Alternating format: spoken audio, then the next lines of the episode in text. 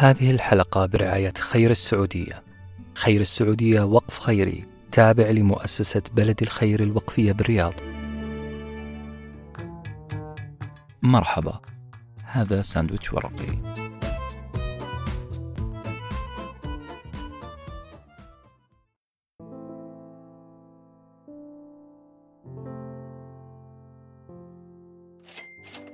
في عام 2016 سحبت شركة حلويات مشهورة أول حرف منها M.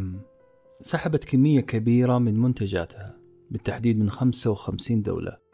والسبب هو عثور مستهلك في ألمانيا على قطع من البلاستيك في إحدى منتجاتها. قررت الشركة متطوعة أنها تعلن عن سحب منتجاتها كاملة من السوق كعمل احترازي.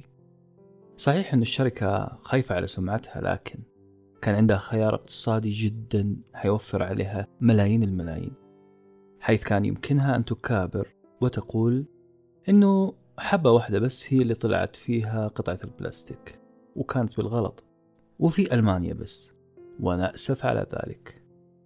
أما أني أسحب منتجاتي كلها من 55 دولة هذا تصرف صعب جدا لكن هذا التصرف نبيل وإنساني ويستحق الإعجاب. هذا هو ما يدعو إليه كتاب اليوم بعنوان البيع بهدف نبيل للمؤلفة ليزا ماكلويد.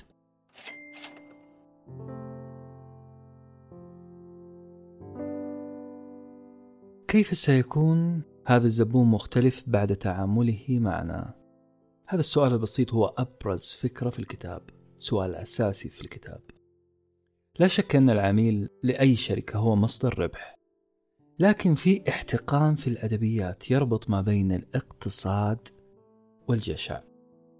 نسمع دائما عبارة السوق ما يعرف رحمة وإن لم تكن ذئبا أكلتك الذئاب. هذه وصايا معروفة في السوق. يوصيك الكثير كمان أن تتكتم على نقاط قوتك وتدرس العملاء بذكاء. تتوالى النصائح بالتركيز على البيع وعلى كسب العميل. نعم العميل هو الهدف النهائي من أي عملية بيع. من أي عملية إنتاج. كلها نصائح جيدة لكن المؤلفة تتساءل ليش ما أحاول أن أبذل جهد أكبر في أني أخلي العميل يشتري مني بضاعة وفي نفس الوقت يكون سعيد وممنون؟ سؤال وجيه.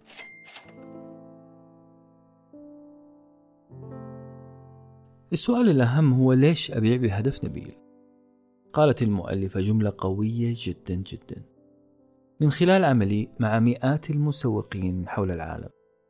اكتشفت شيء غريب وهو أن البائعين ذوي المبيعات العالية كلهم وركزوا في كلمة كلهم لديهم حس بهدف نبيل في عملهم.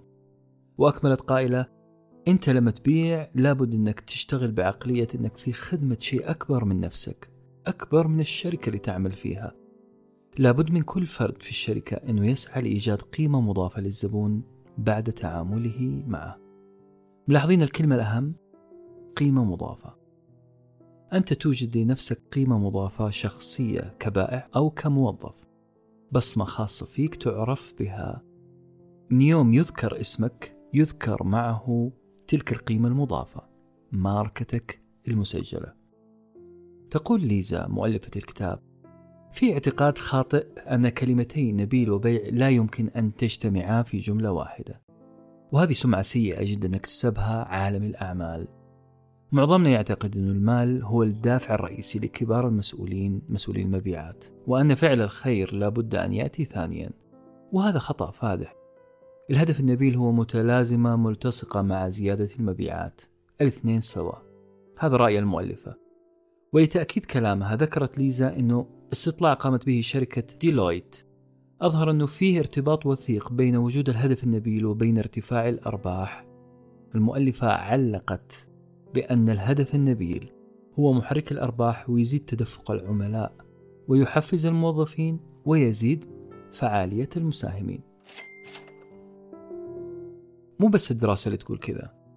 قرأت قبل فترة أنه بيزوس مؤسس شركة أمازون حضر ورشة عمل عن إدارة المكتبات. ذكر فيها المحاضر محاضر الدورة اللي حضرها بيزوس أنه جاله زبون لمكتبته. جاء يشتكي من اتساخ سيارته الجديدة بسبب تساقط قطرات ماء طينية من أواني الزرع الخاصة بالمكتبة. صاحب المكتبة تصرف بسرعة وبإنسانية. ركب مع الزبون وعزموا على الشاي في بيته. أنزلوا في حجرة الضيوف وطلب من زوجته أن تعد له كوب شاي فاخر. خلال احتساء هذا الزبون للشاي شمر صاحب المكتبة عن ساعديه وغسل سيارة الزبون ثم عادوا إلى المكتبة مع سيل من الاعتذارات على العطلة. هذا تصرف مثالي لكن قد يكون مبالغ فيه. قد يعتبره البعض سذاجة. لكن اللي حصل بعد هذا الموقف يدعونا للملاحظة. الزبون رجع ثاني يوم. واشترى كتب فوق حاجته وختم زيارته قائلا. أنتم مكان يستحق أن يدعم. أنتم مكان يستحق أن يسوق له. كانت هذه القصة درس عظيم مو في غسيل السيارات ولا مجاملة الزبائن ولا صنع الشاي بل في إيجاد قيمة مضافة لعملك. نظام ال Customer Relationship Management CRM هو نظام إلكتروني يتم من خلاله بناء علاقات الشركة مع زبائنها. يعني أحاول أعرف الزبون الفلاني معرفة تامة وأخطط عشان أبيع له ثلاث منتجات إضافية مثلا في الشهر القادم. أو أني أكسب زبون جديد فأقوم بالاتصال عليه وإقناعه بمنتجاتنا وهكذا. ملاحظين أنه تركيز نظام آر إم هو على كيف أبيع بدلا من ماذا يحتاج وماذا يرضي الزبون. من الآخر ليزا ترى أن الشركات في الأغلب آخر همها ماذا يهم الزبون. تقول ليزا لو الكل وضع الناس في باله وقرر أنه يبيع بهدف نبيل فإن الفائدة راح تعم لك وللجمهور اللي قاعد تبيعه. وأكدت كلامها بأن نتائج دراسة أجرتها مجموعة استشارية مستقلة خلال عشر سنوات متواصلة على أكثر من خمسين ألف علامة تجارية. إنه الشركات اللي حطت تحسين حياة الناس في بالها بل في كل خطوة تخطوها أصبح لديها معدل نمو ثلاثة أضعاف منافسيها. بالإضافة أنها كمان متفوقة في السوق بفارق كبير. خمسين ألف علامة تجارية خمسين ألف شركة ضمتها الدراسة. وغالبية هذه الشركات اللي نجحت هي شركات ركزت على شيء غير المال فجلب لها المزيد من الأموال. شيء يدعو للضحك مو كذا؟ في النهاية نسأل السؤال الأهم هل عندي فعلا هدف نبيل في عملي؟ سواء كنت طالب موظف مدرس طبيب أو متطوع اللي يكون هل عندي هدف نبيل أو لا؟ ولا هي المادة أولا وأخيرا؟ هل تفكيرنا وعملنا يهدف لتحسين حياة الناس أم أقول في نفسي أنا ومن بعدي الطوفان؟ هذا هو السؤال اللي يثيره كتاب البيع بهدف نبيل اللي يستحق القراءة. وفي حفظ الله.